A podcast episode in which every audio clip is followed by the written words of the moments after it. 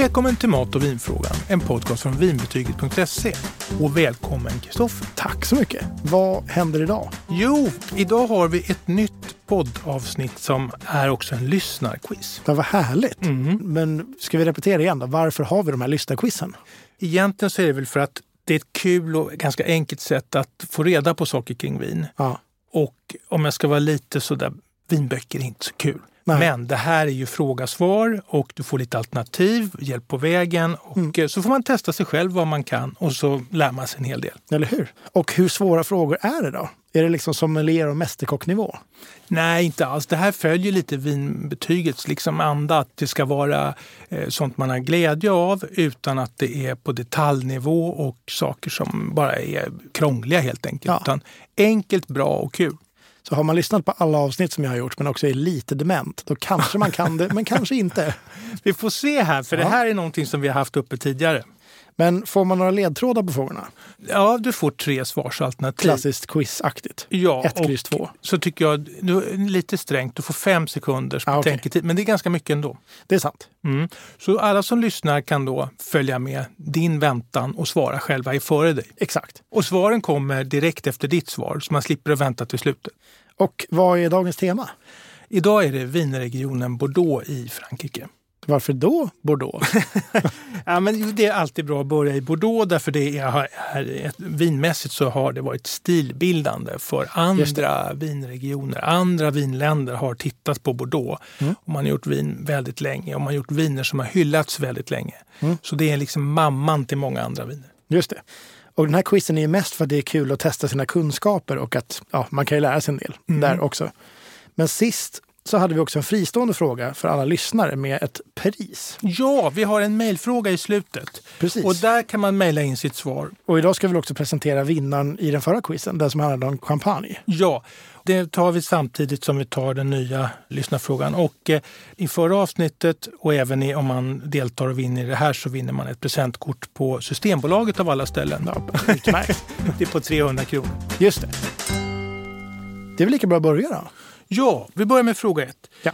Och då är vi väldigt grundläggande. Var i Frankrike ligger Bordeaux? A. 20 mil söder om Paris. B. Norra Frankrike, granne med regionen Champagne. C. Vid Atlantkusten.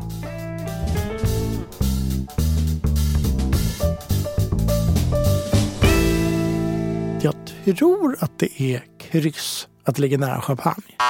Nej, det ligger vid Atlantkusten. Vad trevligt. Ja, och det är lite speciellt. Det kanske man med hav och annat, men det är nyckeln säger man till okay. att det blir fina jordar. Det finns en mäktig flod, det finns vindar, det finns ett visst jordmån. I Frankrike älskar man att prata om terroir, det är liksom platsens betydelse just för vinet. Det, och då är det Atlantkusten som det här ligger vid, en bit ner. Mm -hmm. Och vi kan också nämna Bordeaux, där heter ju huvudstaden också Bordeaux, precis som vinregionen. Mm. Och den är en viktig hamnstad. Och att staden Bordeaux är en hamnstad har också varit en framgångsfaktor. Mm. Man har lyckats exportera mängder av vin till England som älskar Bordeauxviner, till mm. USA och andra. De hade aldrig fått sitt världsrykte om de inte hade fått igång hela den här handeln. Ja, ja, ja. Så den handelsstaden var liksom ett centrum och eh, vinerna spreds över världen. Ja, Okej, okay, jag fattar. Ja. Okej, fråga nummer två. Vad har Bordeaux som andra vinregioner inte har? A. Omtyckta druvsorter som bara odlas här. B. Tiotusentals vinslott. C. Att både röda och vita viner har lika högt anseende.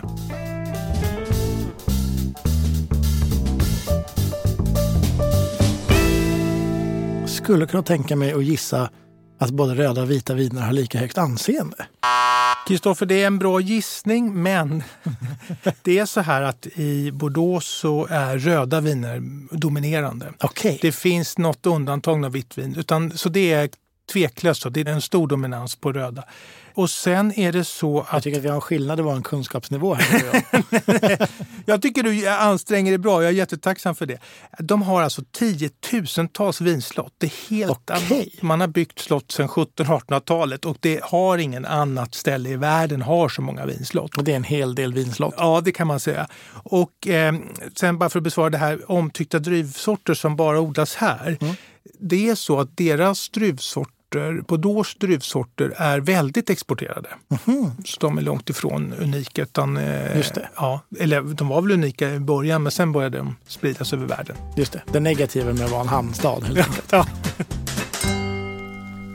Fråga tre. Bordeaux har en klassificering av viner och den har bidragit både till hög status, uppmärksamhet och att man kunnat ta ut höga priser på vinerna. Mm. Och den här klassificeringen som man har idag som är en till fem klasser, den skapades vid ett särskilt tillfälle. A. Till världsutställningen i Paris 1855. B. Grundandet av Bocuse d'Or som också kallas Kock-VM. C. Till 100-årsjubileet av världens största vinmässa, Vinexpo i Bordeaux.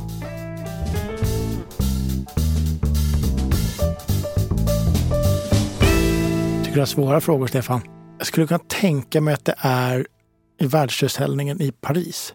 Ja, det är ju rätt Kristoffer. Den här klassificeringen som skapades 1855, den gäller än idag. Och det är väldigt speciellt att någonting befästes då.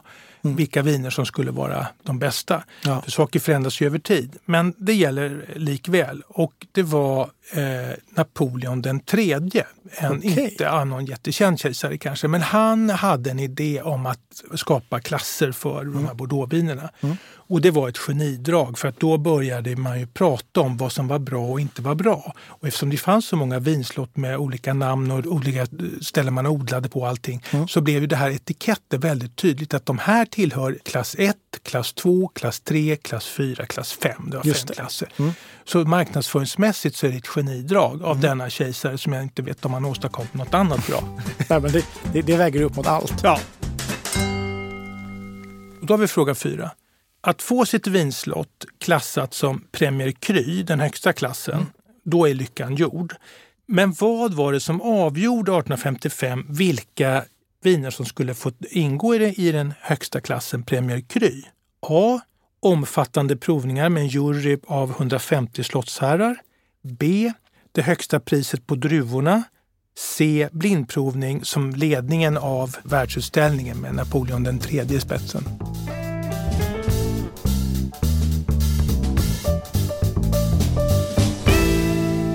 Jag tänker att det kanske var, han kanske ville dricka vinet själv helt enkelt. Så vi säger, vi säger nummer tre. Ja, så här, det är en bra gissning. Det konstiga var så här att priset tyckte man stod i relation till kvaliteten. Och ofta är det ju så, men det är ju inte någon garant. Nej. Så man valde helt enkelt de vinslotten som hade högst, kunde ta ut mest för sina druvor och sina viner. De blev utvalda. Okej.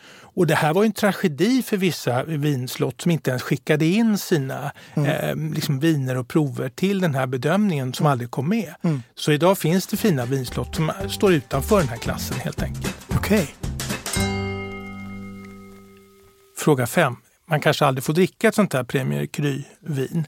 Men det kan ju vara kul att veta vilka vinslott det ändå är som har stått sig då genom alla år. Vad Kan du räkna upp några av de här fem vinslotten som ingår i Premier Cru?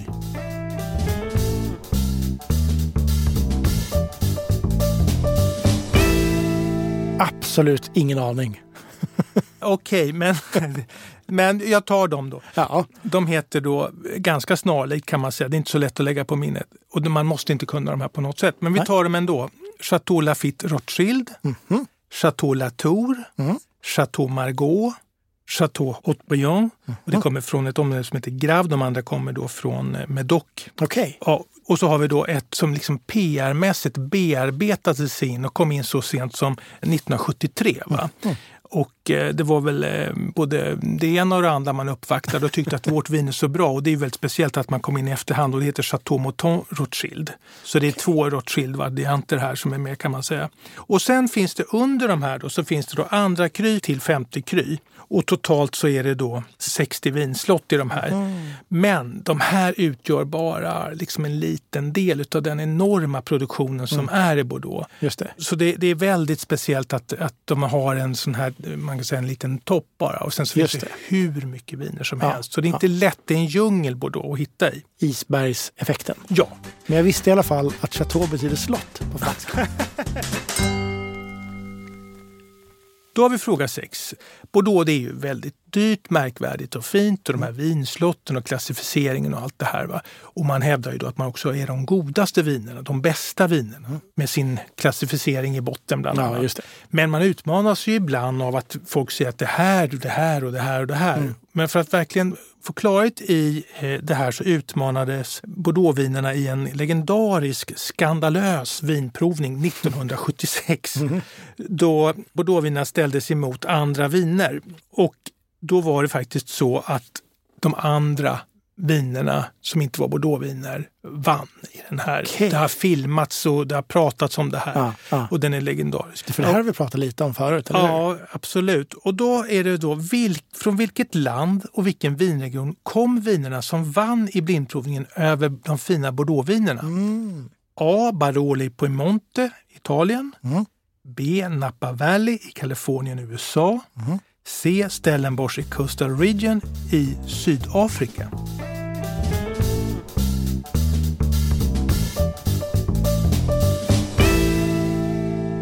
Ja, men visst var det väl det från Kalifornien, Napa Valley? Ja, Kristoffer, snyggt. Så var det. Och, yes. Eh, och det här, då hade amerikanska viner och viner från Kalifornien hade liksom inte alls någon karisma eller att Nej. det var omtalades eller så vidare.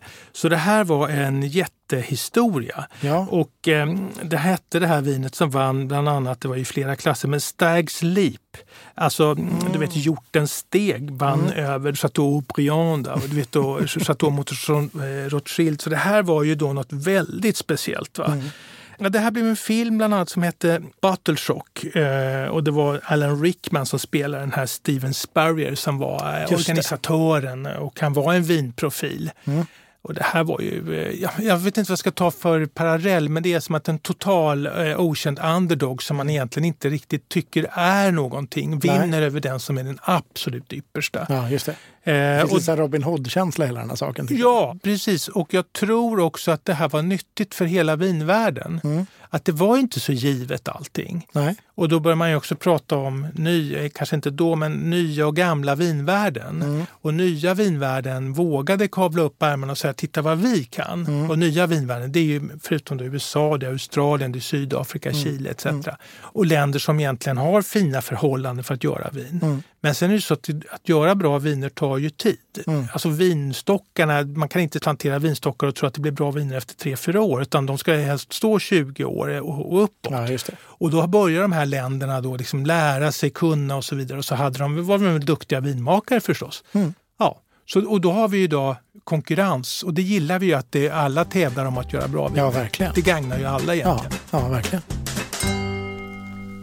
Fråga sju då, är om man ska tala man, man vill ha mycket vin för pengarna ja. från Bordeaux. De här är ju väldigt påkostade de här vinerna som är från de här klassificeringarna. Sen finns det klassificeringar utanför Medoc då, andra framstående röda viner som också kostar jättemycket. Just det. Så det är brokigt och stort eh, mm. Bordeaux. Men då är det så att vissa gör viner som hyllas och som kallas för någonting man, gör, man har sitt prestigevin, man gör ett ytterligare ett vin mm. som man sätter ett lägre pris på. Och de här skrivs det ganska mycket om att nu kan du hitta det här på Systembolaget mm. eller på mm. auktion eller beställa eller hur det nu är. Mm. De får, för att man anser att de är, de är så välgjorda. Just det. Och då undrar jag så här, de här vinerna som då kommer kvalitetsviner med lägre pris, vad kallas de?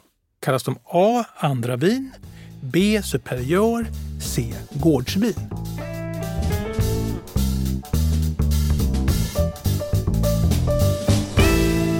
Är det inte det som heter B superior? Det An, finns... Andra vin tar vi istället. ja, det godkänns. Och okay, eh, andra vin är rätt. Det är lite, lite enkelt namn kanske. Men ja. du läs, kan se vinspalter och det är ett utmärkt andra vin säger man. Prisvärt mm. andra vin. Så det är den, den benämningen. Mm. Så att om man tycker då att man vill hitta ett fint bordeauxvin som, mm. som är överkomligt i pris, då kan man liksom, wow, här har vi en liten skatt. Just det. Ja, men det känner jag igen. Mm. Även om jag fuskade lite grann. Okej, då har vi fråga åtta då. Och man pratar ju i vinvärlden om druvor och vi då som ska läsa och förstå druvorna oavsett om det är på Systembolaget mm. eller i vintidningar eller vanliga tidningar så druvor nämns ju alltid. Mm. Och det är som en slags liksom, kom ihåg, en etikett på hur det smakar. Och det är därför ja, som det är lite fiffigt att liksom känna till druvor. Och framförallt när man smakar ett vin av en druva som man gillar, att man lägger det på minnet. Mm. Aha, det här!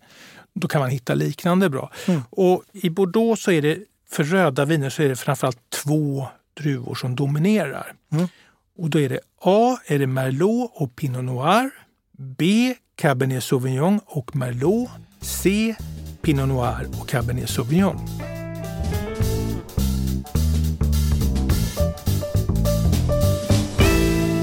Är inte det Merlot och Cabernet Sauvignon? Precis. Bra. Och Cabernet Sauvignon den brukar ju kallas kungen av blå druvor. Mm, Men den är lite utmanad av den andra druvan som var med som alternativ här, Pinot Noir. Mm. Men Pinot Noir det är ju en findruva som odlas i Bourgogne bland annat. Mm. Och då blir det endruvsviner utav det. Det är bara 100 Pinot Noir. Men i, i Bordeaux så brukar det oftast vara blend, alltså man pratar om bordeauxblandningar, bordeauxblend man använder. Så att, Mellan de två druvorna som är stora där då? Ja, och det finns ett par till, som, Cabernet Franc och några till som kan komplettera. Men de dominerar. Så att vinerna är eh, uppbyggda för att de ska kunna parera och hitta rätt. Så mm. underlättar att, att skapa bra viner om de har flera som de kan liksom variera graden av. Just det. Ja, beroende på hur året har varit växtmässigt och så vidare. Mm. Men Cabernet Sauvignon det är huvuddruva. Man pratar Bordeaux. Det är ju väldigt, eh, jag vill inte bli för teoretisk, men man, man pratar om eh, eh västra stranden med mm. dock, där de här fina slotten som är Premier Cru etc. ligger. Där är det Cabernet Sauvignon som dominerar och de blir okay. lite kraftigare, lite Förr var man tvungen att lagra dem så att säga. Okay. Men på östra stranden, och där ligger bland annat Pomerol som är känt och så vidare, där är det Merlot som är huvuddruvan. Mm. Så det här är också lite varierat var. Så om man tänker sig att du står med en flaska som, om du läser på baksidan, mm. att det är då Cabernet Sauvignon, då mm. vet du att det är lite kraftigare. Just det. Och det andra är lite rundare. Merlot är en druva som är har varit lite, haft liksom lite tveksamheter kring sig. Mm. Och jag tror att det var en sån tramsig grej som att det gjordes en film för många år sedan som heter Sideways med två eh, män som åker runt i Kalifornien och provar viner. Mm. Och så gnäller de över Merlot och säger att det är en jävla skitdruva och tråkig Jaha. och hopplös på alla sätt och vis. Och då satte sig det. Ja. Men det där tycker jag låter jättekonstigt. Och vi drack ett Merlotvin i helgen som var supergott och bra. Mm. Eh, som var dessutom från Kalifornien. Okay. Och, eh, så att jag tycker det där är, jag undrar om den filmen kan ha haft så stor påverkan på Merlots rykte. För jag menar Bordeauxviner från, eh, vi säger nu Pomerol då, som är mm. jättefin. Så det där tror jag är mera en, jag skulle gissa att det är mera en, det vore kul om det var så att filmen eh, mm. kunde bäsa en druva så att den liksom tappade anseende. ja, ja, verkligen. Vilken kraft man har som filmskapare. Okej Kristoffer, då är vi framme vid fråga nio. Det är faktiskt den sista frågan idag. Mm. Vi har ju sagt att Bordeaux är främst känt för sina röda viner. Mm. Men det finns ett vitt vin som sticker ut. Okay. Och det har fått en alldeles egen klass där den ensam. Det finns inga andra viner som, ja, som får vara med, för den, den anses den yppersta. Ja. Och den klassen heter Premier Cru Superior. De heter ju olika saker för, ja, för att krångla till det. Och det är en appellation i södra Bordeauxregionen mm. som heter Sautern. Och en appellation är som ett kooperativ, är det det? Nej, det, det är alltså ett lagstadgat område där Så det gäller vissa eh, lagar och regler. Just eh, om hur eh, druvorna ska lagras, eh, hur, vad man får göra och inte göra. I form, det kan vara bevattning beskattning. Vissa områden får inte... Ja, just det. Ja, det, det, det. Ja. Mm.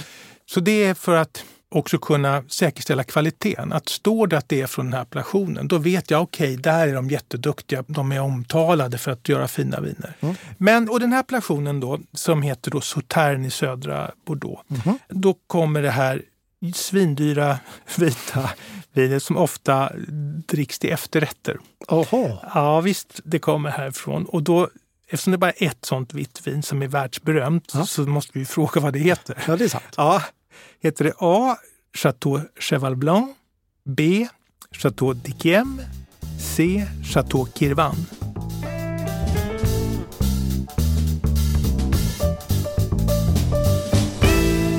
Nu går jag på ren magkänsla här och ingen teori. Mm. Jag tycker att det lät som att A var rätt.